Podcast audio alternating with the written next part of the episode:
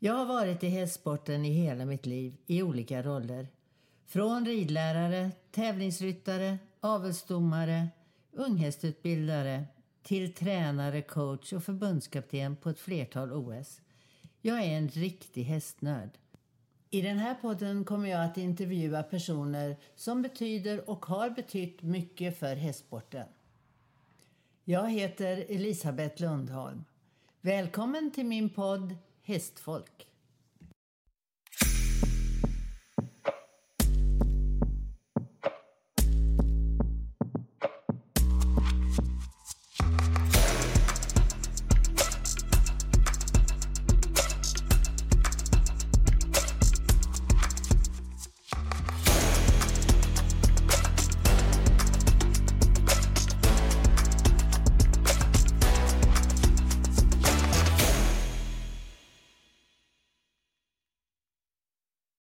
Idag är min gäst den första hoppryttaren som gjorde ett toppresultat på OS i Barcelona. Hon var sexa där. Hon är också den första som vann världscupen utav våra svenska ryttare. Hon är tränare. Hon är, har varit förbundskapten i hoppning. Hon har varit tränare för landslaget i fälttävlan. Hon är uppfödare, hingstägare, tränare, expertkommentator. Och det har nog säkert alla hört när hon och Christian riktigt kommer loss i radion. Men också, hon är en av mina allra bästa kompisar. Så välkommen Maria. Tusen tack! Nu skulle jag vilja fråga dig en sak som jag aldrig har gjort förut. Om du skulle beskriva dig själv, hur hur är Maria, om man inte visste allt det här om dig, hur skulle du då beskriva dig? Oj. Lite halvknäpp, får man väl säga. Eh, ganska nyfiken på allt. Och hyfsat energisk, får man väl säga. Det där med hyfsat, kan det verkligen stämma? Ja, nu för tiden gör det det. nu för tiden gör det det.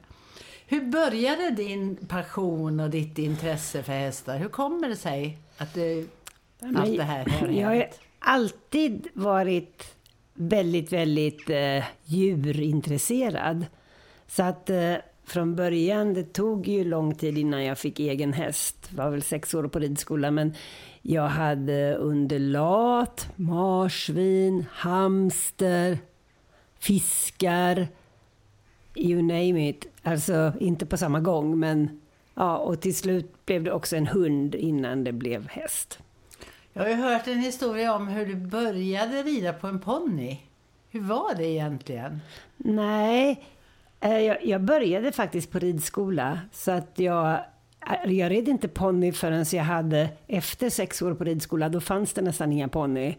Utan då fanns det ju bara såna här arméhästar, höll jag på att säga. Nej, men det var ju stora halvblod, manskapssadlar. Och eh, så sen fick jag ha en ponny på foder. Så det var egentligen den första, visst hade man suttit på ponny innan, men den första så. Kommer du ihåg vad du drömde om då? Nej, det var väl bara att man ville bli så bra som möjligt. Då var man ju på den nivån att man drömde om att få tävla lite, för jag har alltid gillat att tävla med andra sporter som jag har gjort också. Så att, I och med att man red på ridskola så var det ju först bara en dröm att få kunna tävla. Var red du på ridskolan någonstans? Ja, först i Örebro där jag är född, tre år. Och sen flyttade vi till Göteborg och då var det Gamla Bö, ridskolan i Göteborg. Och sen då? Vad hände sen? Eh, sen, ja efter nian sen, då skulle jag ta ett litet sabbatsår tänkte jag. Gick bra i skolan men eh, det där med sabbatsår lät ju ändå ganska skönt. Och eh, jag åkte med en kompis och skulle ja, bara vara med som sällskap och kolla lite i Tyskland när hon sökte sommarjobb hos Lene Nissen Lemke som nu bor i Sverige. Lena och Jasper Nissen då i Holstein. Och eh, är eh, på något vis så hade de jättekort om folk där och jag fick hoppa upp på någon häst och rida lite och blev tillfrågad om jag ville jobba där. Och um, det var inte så svårt att övertala mina föräldrar för att det var, de tyckte det var väldigt bra att lära sig språk. Tyska då och sen var det några engelsktalande som jobbade där. Så ett litet sabbatsår skulle väl gå för sig. Det blev tre år i Tyskland och sabbatsåret det varar än. Vilken tur att det blev så. Ja, alltså normalt sett så hade jag nog åkt, åkt hem rätt så snabbt för jag var ju bara 15-16. Um, nej men med ridlärare och, och liksom bekanta och sådär, de sa att jag skulle absolut inte klara jag skulle komma hem efter ett par månader med svansen mellan benen och det var alldeles för tufft. Liksom när man var så ung. Och för det tyska klimatet var både tuffare jobb och lite hårdare och, och sådär. Och hade inte alla sagt det, då hade jag nog åkt hem efter ett par månader. För det var, det var svårt att beskriva för en 15-årig ridskoletjej hur tufft det var. Det går inte att sätta sig in i liksom, när man inte är van vid... Man har suttit i skolbänken och lallat runt lite i stallet med hjälpt till med ett par hästar. Det, det liksom gick ju inte att förklara. Så att jag, alltså jag var ju så sjukt trött de första månaderna och liksom ja, motigt. Man fattade inget och man kunde inget. Och, ja, man fattade väl hur dåligt man egentligen red. Och, då tänkte jag bara att hellre dör jag än att komma hem innan det här året är slut. Alltså det, jag hade sån här, du vet, streck i en bok som jag liksom prickade av. Mm. Men när sen väl det här året hade gått så kände jag bara, nu är det snart dags att åka hem, då hade man ju hårdnat, man hade blivit van vid jobbet. Jag fick rida jätte, jättefina unghästar, jag hade fått börja tävla och det gick bra. Och, alltså, for, och då man var ju liksom lite härdad då, så då, då tänkte jag att herregud, nu har jag slitit på det här året.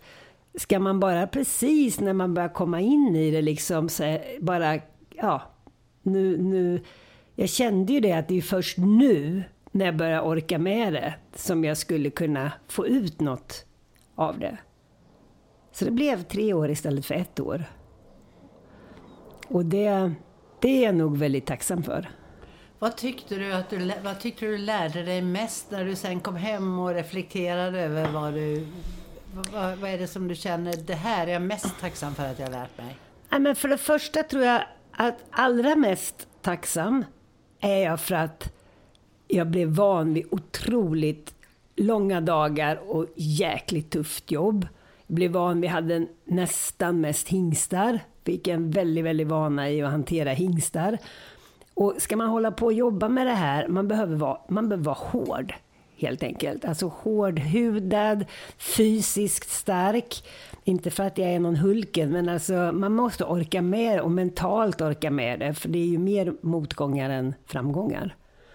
Så att liksom det är jag tacksam för. För att det som, när jag verkligen kom vidare sen och lärde mig, det var ju flera år senare efter jag hade startat mitt eget med jobb i Schweiz som beridare. Där var det ju verkligen stenhårt. Det vet ju du Bettan som var där också hos Paul Weijer. Och jag tänkte ofta att hade jag inte haft de här tre åren i Tyskland att rent fysiskt orka med jobbet, då hade jag aldrig pallat hos Paul Weijer. Aldrig. Och det är där jag ändå la grunden till den sista finishen, eller man lär sig ju hela tiden, men till att bli så pass bra så att man faktiskt kunde rida svår hoppning. För jag var ingen talang direkt med hoppningen. Men mellan Tyskland och Schweiz så kom, var du här, kom du hem, eller hur? Ja. Mm. Jag hade ju faktiskt, jag ansågs ju absolut ingen talang när det gällde hoppning. Så att Tror det eller ej, det vet jag inte om jag har sagt till dig någon gång, men jag hade ju faktiskt fått en arbetsplats eller skulle byta jobb när jag var i Tyskland och hos en dressyrryttare som heter Herbert Rebein. Wow! Mm. Så att för alla tyckte att jag var väldigt duktig på att trimma och liksom duktig på att rida hästarna, men noll talang för hoppningen liksom. Man hade ju inget öga, som de säger. Och, um, nej, så att då, men då var det väl lite här mina föräldrar som försökte tänka, liksom började väl ana att det kunde bli så att man blev kvar i Tyskland. Och då eh, blev det, de längtade efter lite också att bo på landet och flytta på sig. Och nära havet var ju naturligt när vi hade bott i Göteborg. Och, Mm. ja. Och Herbert Rehman, eh, han var ju en guru, en ikon. Ja. Han är ju verkligen en legend inom dressyrsporten. Så att få ett erbjudande av honom. Nej, inte erbjudande, det, låter, det var inte att jag skulle börja som någon slags beridare. Utan det var väl Lene som hade hjälpt mig och fixat in mig där så att man skulle få ja, prova på lite. Så det, det låter för, för Ja, det- det- bra. Det låter bra. Ja men det var bra, det är väl härligt. Det är, det är väl någonting att komma ihåg, eller hur? Det är väl fantastiskt. Jag tror det mer att de visste att man var flitig, seriös, Mm. noggrann och liksom ja, arbetsam. Det var mer det, då är det lätt att få jobb. När du kom hem till Sverige där emellanåt eh, och flyttade hit till Skåne innan du gav dig iväg igen till Schweiz. Vad, hur var det när du kom hem? Tänkte du mycket på vad du, hur du hade jobbat, vad du hade lärt dig i Tyskland? Och tänkte du då när du kom hem, att, hur tyckte du att det kändes att vara hemma då och jobba? Alltså vi hade ju Misan, Misan Lindvall, hon heter Huvudsson nu för tiden, eh, som vi jobbade tillsammans väldigt tajt, även i Holstein. Och eh, hade väldigt bra system tyckte vi då i alla fall med att rida in hästar. Misan var helt grym på marken, gillade inte att sitta på hästarna. Jag tyckte de var läskiga på marken, oberäkneliga och tyckte det kändes bekvämare att vara den som satt på hästen. Så att jag litade på Misan till 100% när vi red in. Hon var, läste hästarna väldigt bra från marken. Och eh, hon tyckte det var skönt att jag... Så vi hade otroligt mycket, otroligt mycket, men vi hade mycket hästar till in och tillridning. Och jobbade väldigt bra ihop. Och, eh, men vi jobbade ju sju dagar i veckan. Vi mockade över 20 boxar per dag. Varje dag, sju dagar i veckan. Alltså det var ju, men det var ju lite dygnet runt. Det var det. Innan jag fick min första hästskötare och liksom fick hjälp. Och Misan hade också halvtidsjobb för att liksom kunna så hon jobbade här inne på Mobilia lite grann för att kunna ja, men få ihop det. Alltså det var ju tufft. Och, Tufft att driva rörelse. ja. Och så kom du till Schweiz. Och hur kom det sig då? Nej, jag höll, ju på. Det gick ganska bra här hemma. Alltså jag, fick, jag har aldrig behövt annonsera, utan just det här att man är superseriös, att man är, jag klarar av det man gör. Och ehm, hästarna var alltid bra ridna, kan jag nog säga, när de kom härifrån. Så gick det ju mun mot mun-metoden, så att vi har aldrig någonsin annonserat efter in eller tillridning. Så att det, flöt, det flöt ju på bra. Samtidigt så började jag ha mycket träningar. Fem, fem kvällar i veckan, sena kvällar. En del här i den lilla, lilla ladan här. Nu var man stolt över att ha eget ridhus som var 16 gånger 36. Och, ehm, och sen åkte runt här ja, men i närområdena och nej, men hade väl tre, fyra grupper också, fem kvällar i veckan. Alltså jag fattar ju inte hur man orkar. Man, folk tycker att man är flitig nu. Tycker det är rena semestern mot som vi jobbade då.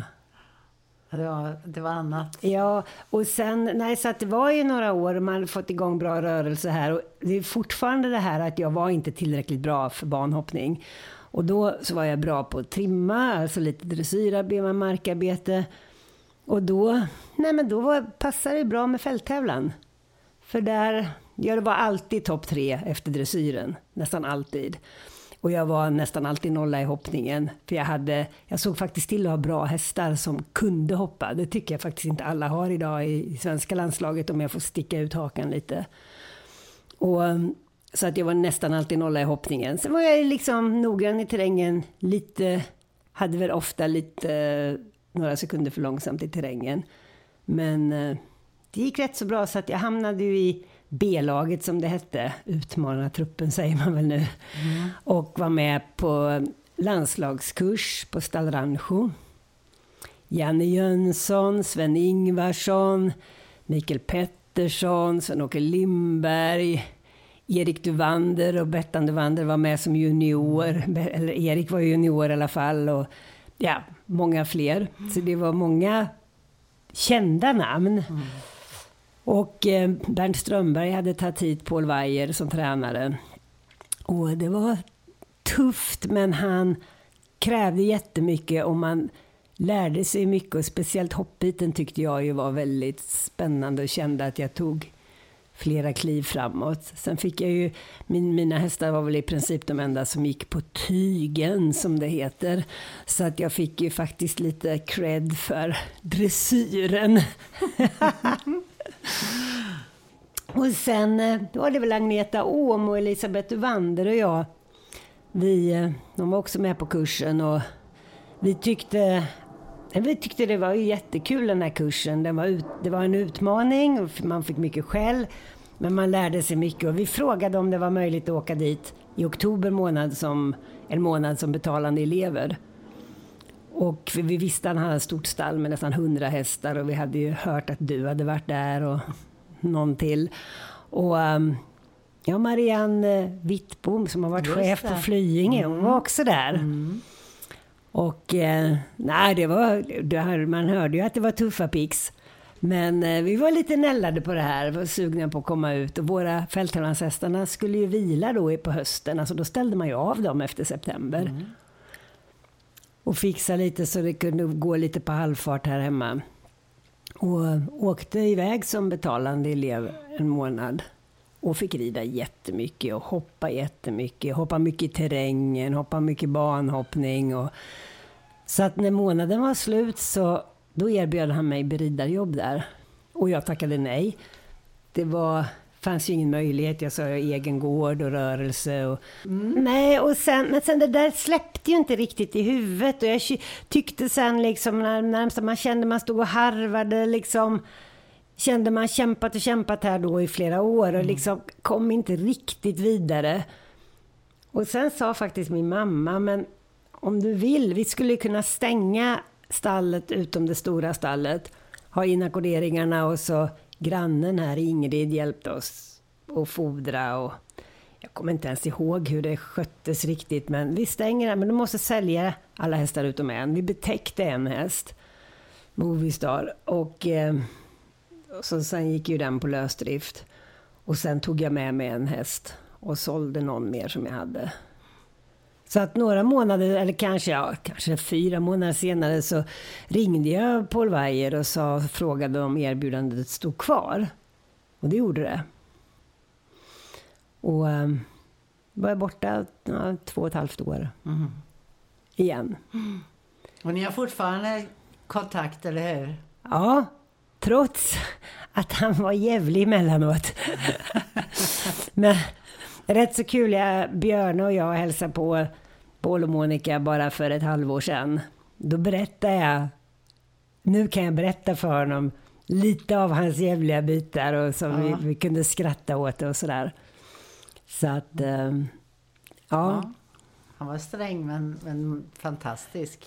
Ja, framför allt, alltså man lärde sig otroligt mycket. Det var ju så här gammal militär. Mm. Det är ingenting som platsar idag åt alla som blir kränkta. Nej. Men, men det, när man kom hem och fick smälta allting så hade man ju en otrolig kunskapsbank att ta av.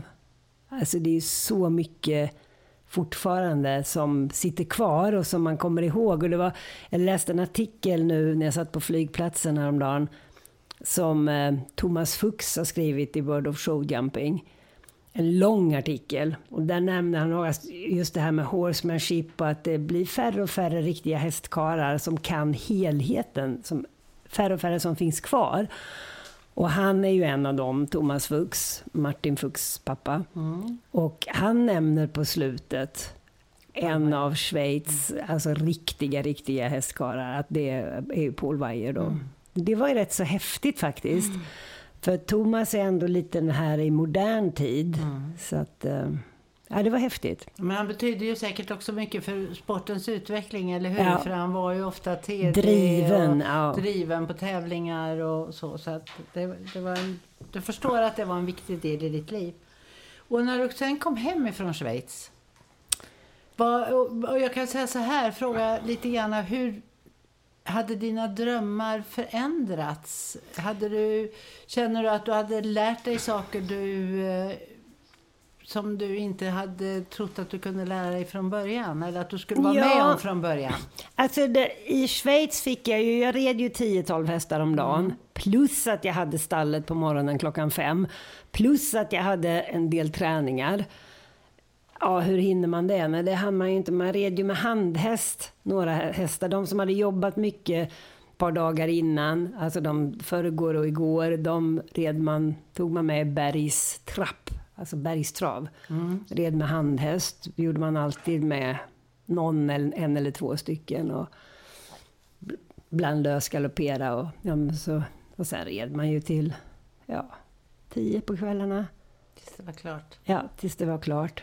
Tio, alltså halv tio, tio skulle man ofta skotta spåret tillsammans med någon lärling. Och det var ganska, han har faktiskt ganska stort ridhus. Det var inte 2060 utan det var större. Så att, eh, nej men vad jag tycker idag när man frågar många vad är din målsättning och sådär. Jag tror att man binder lite ris åt sin egen rygg, höll jag på att säga, när man säger jag ska bli bäst i världen, jag ska rida OS. Jag ska... Det är ju bra att man drömmer om det. Men jag tror att för mig var det väldigt bra. Min målsättning med att åka till Schweiz, till Paul Weyer, och, och, och eh, kämpa med, med ridningen och jobbet och allt det här. Det var att jag ville bli en av de bästa i Sverige på att utbilda hästar. Jag ville bli duktig på mitt jobb. Alltså jag tyckte jag ändå hade hittat min... Jag ville inte släppa det här med att, att kunna leva på min hobby, så att säga. Det var en målsättning. Sen hade man ju någonstans bak en hemlig dröm. Tänk om man någon gång hade kunnat rida ett mästerskap eftersom jag älskar att tävla. Men det var liksom den, den tydliga målsättningen. Det var att bli en av de bästa i Sverige på att livnära sig på hästar. På att utbilda och ja, göra det jag gör idag egentligen. Om du tänker på, på alla hästar du mötte under den här tiden. Så tycker du att det har förändrat sig mycket hästarna nu mot då? Ja. Och vad är det du tycker har förändrat sig? Jag menar, hästarna är inte riktigt de samma Nej, i... men, för, alltså, när sporten. vi, alltså man önskar ju att man hade haft såna här mobiler och filmat med. Mobilerna hade ju länge, länge inte uppfunnits när vi började här. För att vi fick ju lära hästarna, de gamla halvblodshästarna, vi fick lära dem att hoppa. Även Mockoville, hon hade ju en enorm kapacitet men hon var lite korkad faktiskt. Mercurville var det som du Ja, red i som jag red i Barcelona. OS. Och jag, hon var ju också för stor för mig, 1,75 nästan. Och jag startade inte henne, jag provade väl dem, men jag tävlade ju henne inte med någon reda förrän hon var över sex år. Fast jag köpte henne när hon var fyra och ett halvt, eller mina föräldrar köpte henne när hon var fyra och ett halvt. För att det, det var liksom inte lönt. Det var plockepinn och åh, det var inte kul alls. Sent, de var sent utvecklade och sent färdiga. Ja, hästarna idag, det är det som är lite... Faran idag är att hästarna är så avlade för hoppning och har sånt hopphuvud. Och, så att jag tror att man tävlar för mycket för tidigt och hästarna hinner inte med att bli starka.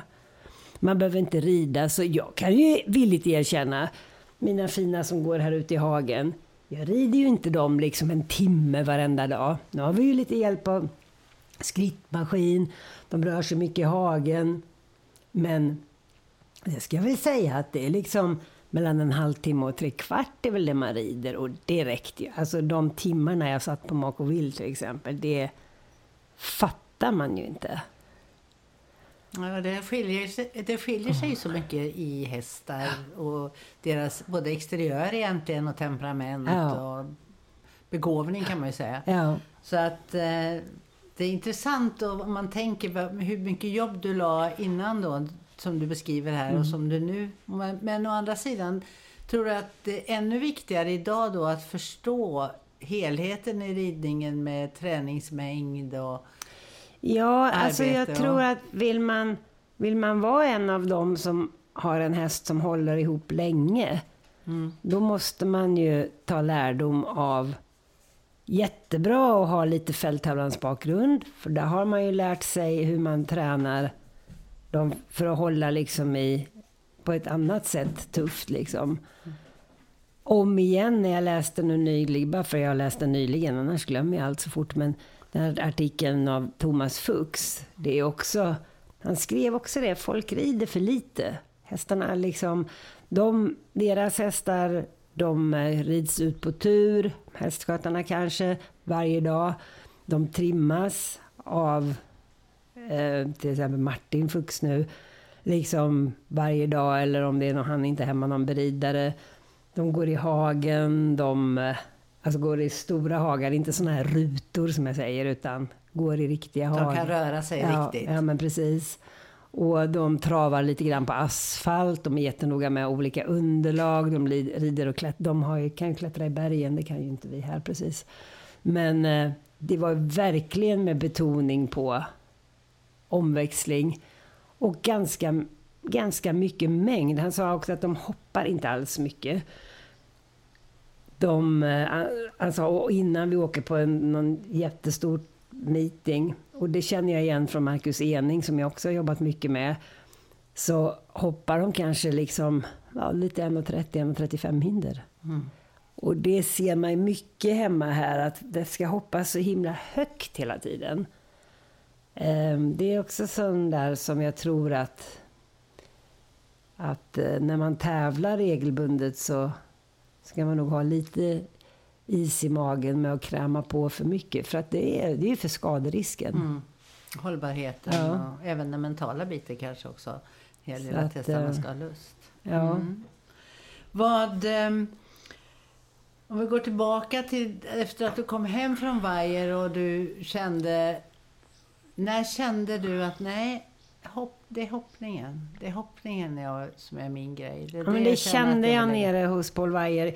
Jag red ju fälttävlan där. Jag skulle, var faktiskt anmäld till ett EM, tror jag till och med. Jag skulle till Bockelo och rida sista tävlingen och allting strulade. Och ja, det var ju på en häst som var, var Paul och Monikas häst. Mm. Men det var alltid, jag kommer inte ens ihåg. Det, jag tyckte med fälttävlan var det mycket att det hela tiden var någonting. Mm. Så var det någon fis på tvären här och där. Och jag var trött på det, för det krävde så otroligt mycket träning. Och jag kände ju hoppningen gick bättre och bättre. Jag hade ändå vunnit 1,40-1,45 hoppning när jag åkte hem ifrån Schweiz. Och jag kände att nej, när jag kom hem så ville jag verkligen lägga det med fälttävlan på hyllan. Det tog för mycket tid, det gav ingen, ingen ekonomi överhuvudtaget faktiskt då på den tiden, alltså det är rätt så lustigt, prispengarna på vanliga sådana nationella tävlingar när man åker här hemikring. De, de kostar tre gånger så mycket att starta, men det är samma prispengar som man fick för 45 år sedan, 40 år sedan. Mm. Alltså då kunde du åka in här till Malmö ridklubb och vinna 3000 kronor i en vanlig medelsvår B som det hette. Och det kanske kostar 30 kronor i anmälningsavgift. Jag menar idag, alltså på de här vanliga tävlingarna och det, unghästarna ska ändå bara gå avdelning B eller A eller vad man mm. kallar det för.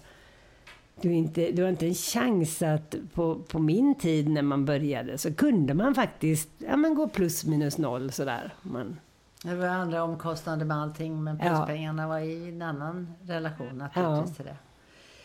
När du, jag tänker också så här när du nu kom in och du har hoppat och du har tävlat så mycket och du har också verkligen gjort ett avtryck genom din, dels din otroliga intresse och din väldiga kunskap för just markarbete och träning och så här. Vad, vad tycker du att du känner nu? Känner du att eh, trenden har vänt på något vis? Att man är mer intresserad eller mindre intresserad av markarbete och, och den här just omväxlingen hos olika hästar. Jag tänker inte bara på hoppning, jag tänker mm. överhuvudtaget. Nej, men jag tycker nog att även nu, har, nu är jag ju privilegierad så att jag jobbar ju nästan uteslutande med elever som själva jobbar med hästar på heltid. Det kan vara ridlärare, en och annan hovslagare, det kan vara väldigt många unghästutbildare som driver lite egen verksamhet. Och, och sådär. Så att det är ju det som utgör den stora delen av mina elever, så att säga. Mm. Och där tycker jag märker att de har ett väldigt sug på att eh, se helheten mer. Det tycker jag. När du varit ute på alla dina stora tävlingar och du har varit förbundskapten i hoppningen också under många år och så. Mm. Vad förändrade sig dina drömmar mycket redan, alltså även på den tiden? Innan du började till exempel med eh, ditt jobb som förbundskapten. Då hade du inte tid att rida lika mycket själv på tävling. Nej. Hur, hur tänkte du då? Vad såg de omkring dig? Jag vet inte. Det var väl dumt att dra på sig förbundskaptensposten medan man själv red, men det blev olyckligtvis så. Jag är väl en sån där människa som alltid tar chansen när jag får den. Chansen att åka till Paul Weijer. Eh, chansen att jobba för FI, fast man inte fattar någonting i början. Eh, det internationella ridsportförbundet ja, ta chansen att vara med i Mästarnas Mästare. Fast man vet att man är bäst före-datum och sådär. Så att det är väl eh, det är väl samma där med att jag tyckte det var det var en kittlande utmaning ändå. Och jag visste att jag in, nog inte skulle få chansen en gång till senare. Men du sa ju det också in i eh, början av vårt samtal här så sa du ju faktiskt också att du är nyfiken. Ja, väldigt nyfiken. Det är ju härligt. ja. Den egenskapen tror jag man måste ha. Tror du inte det? För att man ska jo, bli riktigt bra. Det tror jag också. Man måste vara open-minded. Och uh, jag tycker hela tiden när jag suger i mig nya saker. Jag kan ju tänka när jag sitter här ute och trimmar. Alltså jag, jag tar de där små bitarna. Jag fick under Falsterbo fick jag någon, bara en kort, kort kommentar av någon gällande någonting som jag har jobbat med nu lite grann sedan dess och har med mig i huvudet hela tiden. Och um, nej, just nu har jag ju börjat att fysträna mig själv igen. Det gjorde jag. Jag var ju en av de första som började med det i Sverige. Alltså riktigt med att ha... Och skrev en bok också. Ja, ja det är ett kapitel i boken. Men att eh, ha personlig tränare och verkligen liksom anstränga mig på den biten. Sen har ju det legat i vila lite sen man slutade rida internationellt, men det har jag tagit upp nu och det är jättehäftigt.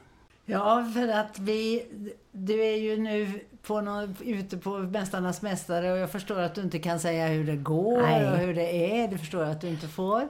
Men... Eh, My lips are sealed. Jag kan tro det. Man, man kan ju se i alla fall att du har tränat, du är alltid vältränad, men man ser att du är väldigt Ja, lite, lite bättre nu. nu faktiskt. Jag mm. tycker jag är ett helt snäpp mer vältränad än på flera år. Mm. Det känns när jag rider. Och det, det är min nästa fråga då. Vi, har, vi har ju ändå känt varandra i jätte, jättelång tid. Så att, men jag har en annan fundering jag hade. Du rider ju väldigt mycket unghästar nu. Ja. Tävlar dina unghästar. Och många då singular, efter din hingst singular har du ju fler och fler hästar. Mm. Vad, vad driver dig där? Vad drömmer du om där? Nej, nu är ju singlars avkommor är ju sju år i år. Mm. Så att där har jag ju verkligen en dröm om att några av dem ska nå hela vägen. Och det tror jag. Han har, han har ganska få avkommor, men jag är helt säker på att vi kommer att få se några riktigt långt fram. För du tävlar ju också flera stycken av ja. dem. Vad de har, nu ska jag inte sitta här och göra reklam, men det är därför som jag, jag är väldigt skeptisk med att sitta upp på andras hästar nu för tiden. Alltså man har ju trillat av och legat under och ja, man blir ju mesigare och mesigare med det. Men jag vet, alltså kan Eller klokare och klokare. Ja, eller klokare och klokare kanske, möjligtvis lite. Men eh, med singlars avkommor, de bockar inte. De står inte på bakbenen. De är väldigt straight forward. Så att jag tar i trä ska man säga, för allting kan ju hända. Men jag har, behöver, behöver liksom, sitter ju inte och är orolig för att jag ska trilla av. De, gör liksom inga, de är straight forward. De har liksom ett huvud som vill framåt. De är arbetsvilliga. De älskar att hoppa. Och hittar inte på dumheter. Inte tittiga. Är liksom väldigt enkla att jobba. Så att eh, så det passar mig. Egentligen skulle jag nog... Man skulle vilja liksom lämna dem till någon som Eh, fantastisk unghästutbildare som tävlade upp dem i klasserna. Men jag har inte råd till det. Alltså så pass mycket. Den här gården kostar en hel hacka att dra runt med de 300-åriga byggnaderna. Och jag har inte råd att lämna iväg hästarna. Och de ryttarna som rider bra tillräckligt för att rida på mina unghästar, de är ju aldrig hemma. De är ju ute, med, de är ute på större tävlingar. Så att eh, så, jag säger, så länge jag håller mig liksom fit i kroppen och, och liksom, de, de tävlar inte heller så mycket. Så att den som köper häst från mig, den får ju en häst som är långt, långt ifrån förbrukad. Utan de, de hänger med sin, sina årgångar ofta. Inte sjuåringarna nu, där har jag sackat efter lite. Men, men eh, de är väldigt välutbildade, mm. trevliga att rida och eh, absolut inte förbrukade. Och jag tror att också när man eh, ser unghästtävlingar och alla unghästar och så, tycker att det har kommit fler, är det fler unghästar som, så är det Sverige är ju ändå känt för att mycket, ha mycket svenskfödda hästar mm. som finns ute i världen.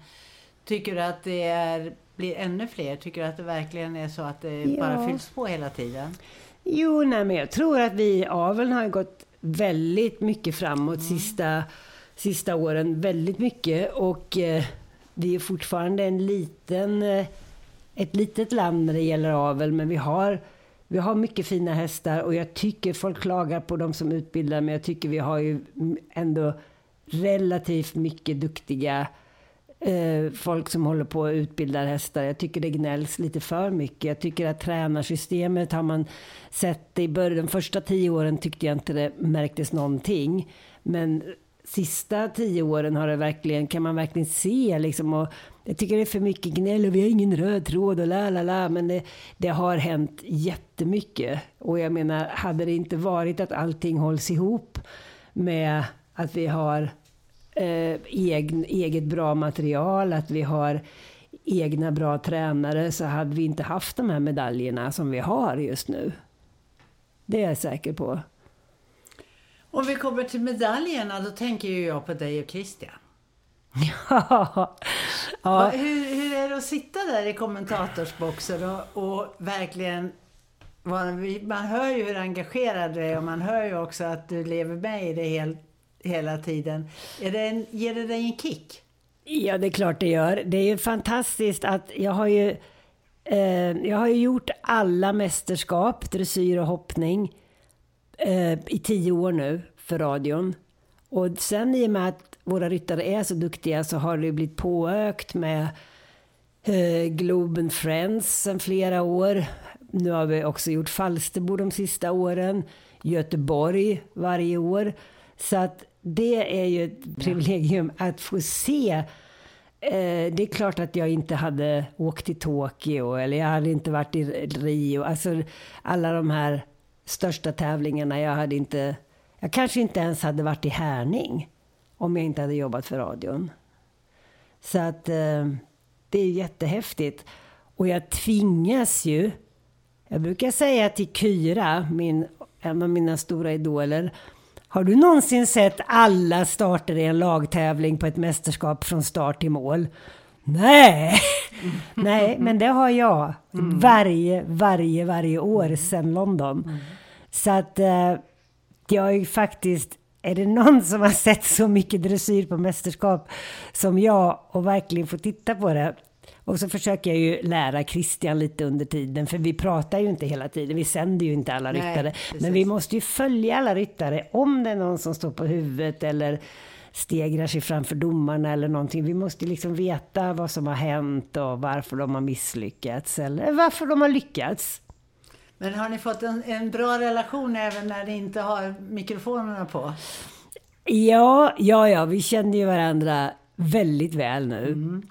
Och eh, det, det är ju jättekul att jobba med Christian när det går bra. Men det finns ingen som är så sur när det går dåligt. Och sen är han, han, alla tror ju bara att han är superrolig, men han är fruktansvärt väl förberedd. Ja. Alltså helt otroligt väl förberedd om vi så bara ska sända en och en halv minut. Och eh, så det var i början rätt så tufft att jobba med honom för att jag flamsar ju på lite sådär. Ja, som man gör. Och det är liksom, man får ju lära sig det på minuter, på sekunder och så ska det ändå låta naturligt. Och, eh, och sen just det där att efter jobbet, om Christian själv tycker att han är missnöjd med någonting, att han kan ha sagt två ord fel eller någonting. Alltså då sitter han, då kan han sitta nästa morgon när man ska liksom träffas och åka och bara se ut som han har sålt smöret och tappat pengarna. Jag sa, vad är det med dig? Det gick ju skitbra igår. Våra ryttare fick medalj. Ja, men i den sändningen där så bara sa jag det där. Det lät ju inte klokt. Alltså, det, då kan man helt, får man, men där tror jag jag, jag faktiskt har lärt honom en del. Nu får faktiskt gaska upp dig lite. Det är inte en kotte som bryr Han sig om tänker det. så, nej. Men, nej, men det är ett, han är ju ett fullblodsproffs ut i fingerspetsarna. Och som sagt, man känner sig lite, men jag tror det är väldigt, lite blåbär bredvid honom. Men jag tror att det är väldigt bra att vi är så olika. Men det är ju så, det är så när man jobbar med proffs. Alla genier är, har på något vis de här dragen. Det, de har jag ju i avsaknad av de dragen. Och därför är jag inte det här, jag är inte det här geniet som har gått hela, hela vägen. För jag är nog lite, ja, jag är lite mera positiv och lite flamsig ibland och ja, sådär. Vilka människor har påverkat dig mest? Det har du ju nästan sagt. Du har ju, har ju, men vad, om jag tänker från när du började till idag.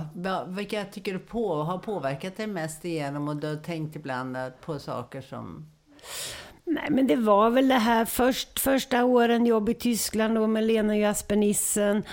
Eh, kl- helt klart. Och sen självklart hos Paul Weijer, den som la grunden. Sen sa han faktiskt också, han sa en grej som, som, som jag verkligen tog med mig. Alltså man var ju tvungen att göra som han sa till punkt och pricka. Samtidigt så slängde han med sig, när du kommer ut i världen, tävlar eller olika platser eller hur konstigt det än kan se ut när en ryttare rider eller tävlar som har mycket framgång.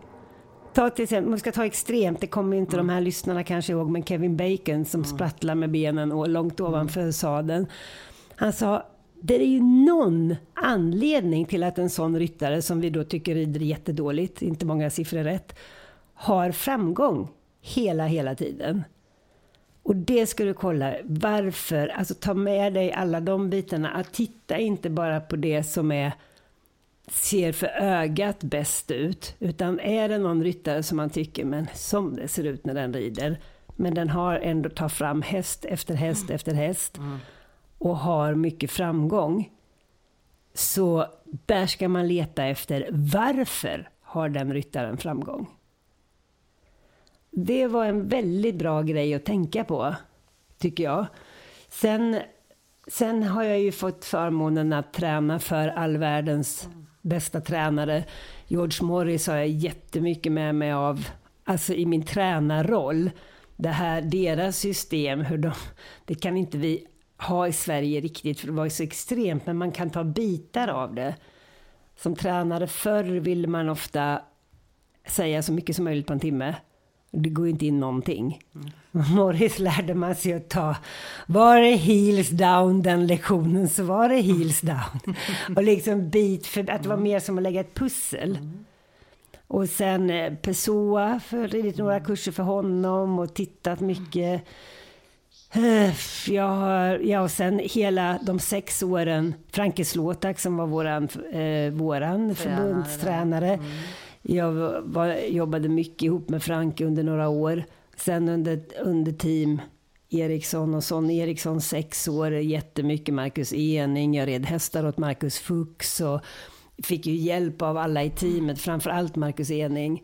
Så att han betydde ju väldigt mycket för den lite moderna utvecklingen av, av min ridning. Och eh, igen, Schweiz, hårdhet av Marcus Fuchs. Jag kommer ihåg... Du menar hårdhet mot sig själv, inte mot hästarna? Ja, nej, själv. absolut inte mot hästarna. Men jag hade en jättefin häst som var lite för... Marcus orkade inte riktigt med henne och lägga tid på henne. Det här grundläggande. Hon var spooky och mycket Nirmet, en jättefin häst. Så sa han, jag sätter henne hos dig tills du tar upp henne i, till, alltså nästan till Grand Prix. Och nej, helt, väldigt korrekt. Man fick betalt fullt som man betalade utomlands. Så att det var liksom inte sådär, var glad att du får den här att rida. Utan det var väldigt korrekt, väldigt korrekt sådär. Han kunde ringa och skälla ut den om jag hade räknat fel på räkningen till hans favör. Vi kallar honom lite för att han var så här schweizisk skotte. Men, men han var han skällde ut mig. Du kommer aldrig bli rik om du ska skicka sådana här räkningar. Om man hade missat på det hållet. Men han, han sa ju då när vi åkte till Madrid. Då samåkte jag ju ner till Schweiz och sen samåkte vi. Sen hade jag, jag hade dåligt med hästar då så jag hade en ung häst åt honom som jag skulle rida unge, unghetsklasserna. Och så hade jag Nirmet som skulle väl debutera Grand Prix där var meningen. Och eh, red första dagen, hon är 40-45 liksom och red. Hon hoppade jättefint och liksom, tyckte jag red ganska snabbt men bommarna låg rätt så hårt där så att de red ju fort som tusan när jag var utanför placering. Och var ju, hästarna har hoppat som en peng. Kommer ut och travar av, jättenöjd. Kommer Marcus bara se ut som ett åskmoln. Tror du vi har kört genom hela Europa för att du ska sitta här och rida stilhoppning eller? Så är det väl den saken. Mm, alltså det, och sånt där, du vet, det var ju nästan som man, som väldigt vuxen nästan, liksom höll på att börja gråta. Och sen så sa han, nu får fasen rida in lite pengar här när vi har gjort den här resan. Till att släppa på bromsen lite. Ja, vad gjorde jag då i nästa klass? Jo, jag red ju snäppet fortare än vad vi var färdiga för. Och kraschade i ett hinder med den här superförsiktiga hästen. Ja, jag ska inte ens, vill inte ens säga vad han sa då. Det var nog den enda gången jag nästan har gråtit i vuxen ålder. Alltså bara red bak i buskarna och bara tänkte, vad fan håller jag på med? Alltså så fruktansvärt. Så att det var... Alltså han var fantastisk, man lärde sig mycket. Men man behöver bli hård också. Ja, man det- ska men- lyckas i den här sporten. Det är liksom inga...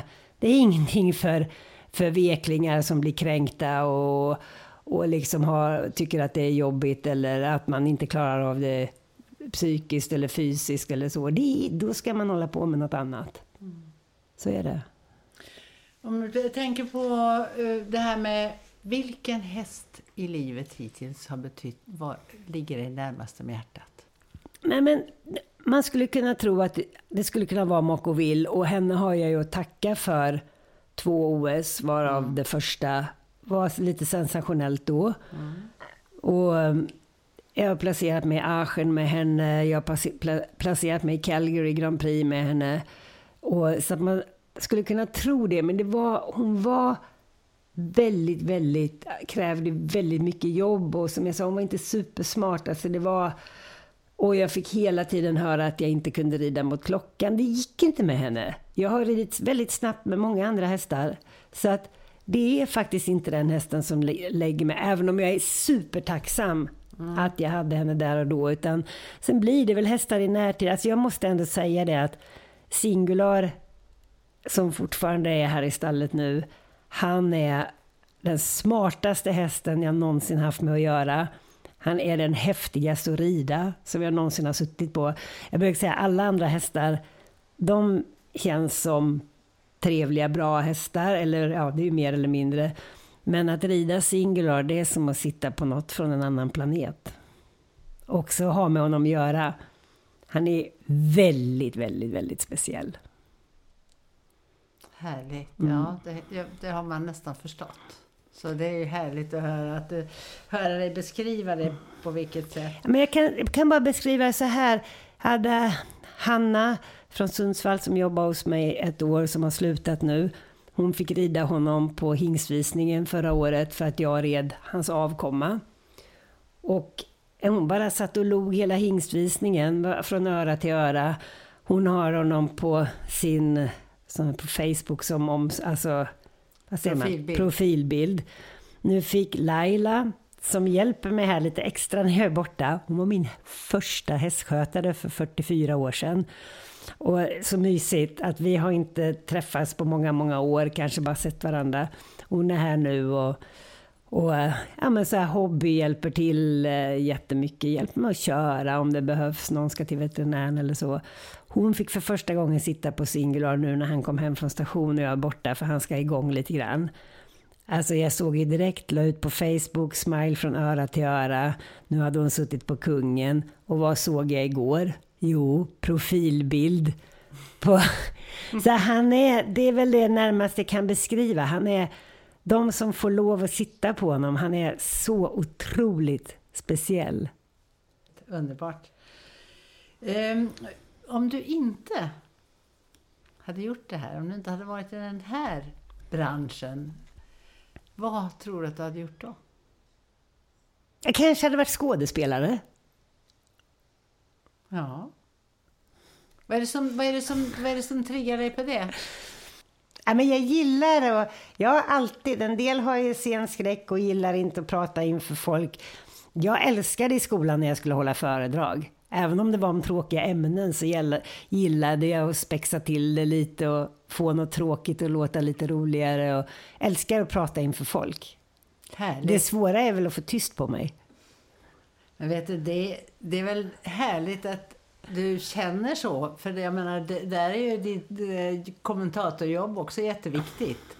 Att man kan förmedla lusten och spänningen och allt det. Så att Eh, när du säger det nu så kan jag liksom relatera till olika saker som vi har varit med om tillsammans. Att, eh, det kan jag förstå. Det är nog mer ett problem att jag pratar för mycket. Jag kommer ihåg när vi var i USA, kommer du ihåg det? Jag skulle hålla föreläsning. Ja! Det var så jävla kul! Vi skulle tala inför Svenska avelsföreningen. Vi hade varit avelsdomare båda två. Vi var väl det vid den mm. tidpunkten. Vi skulle tala för den filial som, eh, som vår svenska avelsförening har i USA, Swana. Och eh, vi inte kunde hålla oss för skratt. Och det var ju du som satte igång det hela så att det blev ju en riktig show där. Och jag inte heller kunde hålla mig för skratt till slut. Och det kom ju så mycket folk. Ja, det var ju helt knökfullt. Det var väl dubbelt så mycket folk än vad lokalen fick ta. Och de stod i dörrkarmarna och bara trängdes. Och jag kommer inte ihåg vad det var som föranledde skrattanfallen, men det var ju det här att någon i vår väldiga närmaste närhet skulle ju gå igenom oss dagen innan och när vi redan var över där i USA och och att vi, hur otroligt väl vi skulle förbereda oss och att vi nu minsann skulle vi stå framför spegeln hela kvällen, halva natten, på morgonen när vi vaknade och öva intalet och hur vi skulle prata. Och jag höll ju på att få ett anfall redan då. Jag kunde liksom inte tänka mig att stå på kvällen och prata med mig själv i spegeln. Det fanns liksom inte på kartan för mig. Nej, och vi, både du och jag är ju inte kanske världens bästa på att förbereda oss med, utan vi, det, när det gäller att förbereda i alla fall vad vi ska säga alla gånger, det får komma ändå. Lite punkter är bra att ha. Lite, vissa punkter var bra att ha. Ja, nej, men det är väl flera gånger hela tiden egentligen när du är ute och, och du håller dina föreläsningar eller också även ibland på lektionerna, på dina träningar så eh, har du ju verkligen förmågan att visa med hela kroppen hur det ska gå till. Och jag tror också att det ligger dig nära, eller hur? Alltså det är en ja, sak som... Jag gillar att det blir lite mer lättsamt också mm. när folk rider. Det gäller ju mycket om... Mycket handlar ju om avspänning när man rider och får bra känsla och sådär. Kan man då lite grann ta, tona ner det här superseriösa som man måste vara när man fokuserar, men ändå få en liten lättsam approach i, i när man undervisar och, och lätta upp det med lite, våga göra bort sig själv, våga se rolig eller komisk ut eller så tror jag att det hjälper jättemycket. Ja, för jag menar ju naturligtvis inte att vi inte förbereder oss, utan det gör man ju naturligtvis. Mm. Men att man inte måste hela tiden hålla sig till, till det, utan får lägga in sin egen personlighet i det. Och det, det är ju härligt att höra att du egentligen skulle säkert ha blivit en bra skådespelare. Om det är svårt att komma ihåg långa repliker. Det hade jag haft svårt Jag får hålla dig till monologer så kan du um, Ja, vad vill du, som sista fråga skulle jag vilja säga, vad vill du skicka med? Om du får skicka med några meningar bara, vad, vad skulle du vilja skicka med till de som i framtiden ska börja sin verksamhet eller som verkligen vill bli framgångsrika inom ridsporten? Jag tror ju som i alla sporter eller även självklart även eh, företagande och sådär att det är, du måste faktiskt vara modig. Du måste våga. Du måste vara väl extremt beredd att lägga mycket mer tid än vad du tror på det hela. Eh, försaka mycket. Um, och jag tror att det hjälper om man är bra att sprida positiv energi. Det har jag märkt nu. Jag har träffat nya, eh, nya spännande människor här sista veckan. Från helt olika, eh, med olika, vad ska man säga, sporter kan vi säga då. Och man märker att samtliga har ju en enorm, eh, en enorm kraft att sprida positiv energi runt sig. Och ehm, det tror jag är jätteviktigt. Och det är viktigt om du är företagsledare eller om du är, jobbar med hästar. Hästarna känner ju mer än människorna om man är lite negativt lagd ju. Jag är, det är inte det. Jag är också på dåligt humör vissa dagar. Och då kan jag känna liksom efteråt när man inte är helt nöjd med ett ridpass. Ja, hur var min approach idag till hästen? Nej, den var inte så bra som den bör vara. Inte alls att jag nu har varit arg på hästen eller någonting, men man kanske har varit stressad. Jag brukar själv säga till eleverna, är man stressad när man ska rida eller på dåligt humör, lösgaloppera hellre, longera den hellre, eller ha någon annan till att rida ut den i terrängen. Det tycker jag var så bra avslutningsord. Så de tycker jag att vi låter dem flyga ut i eten till många. Tack snälla Maria, det var jätteroligt. Tack! Jättekul!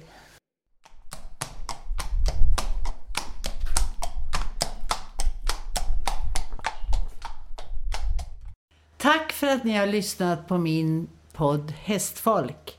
Och ni är välkomna att följa oss även i sociala medier. Vi hörs snart igen.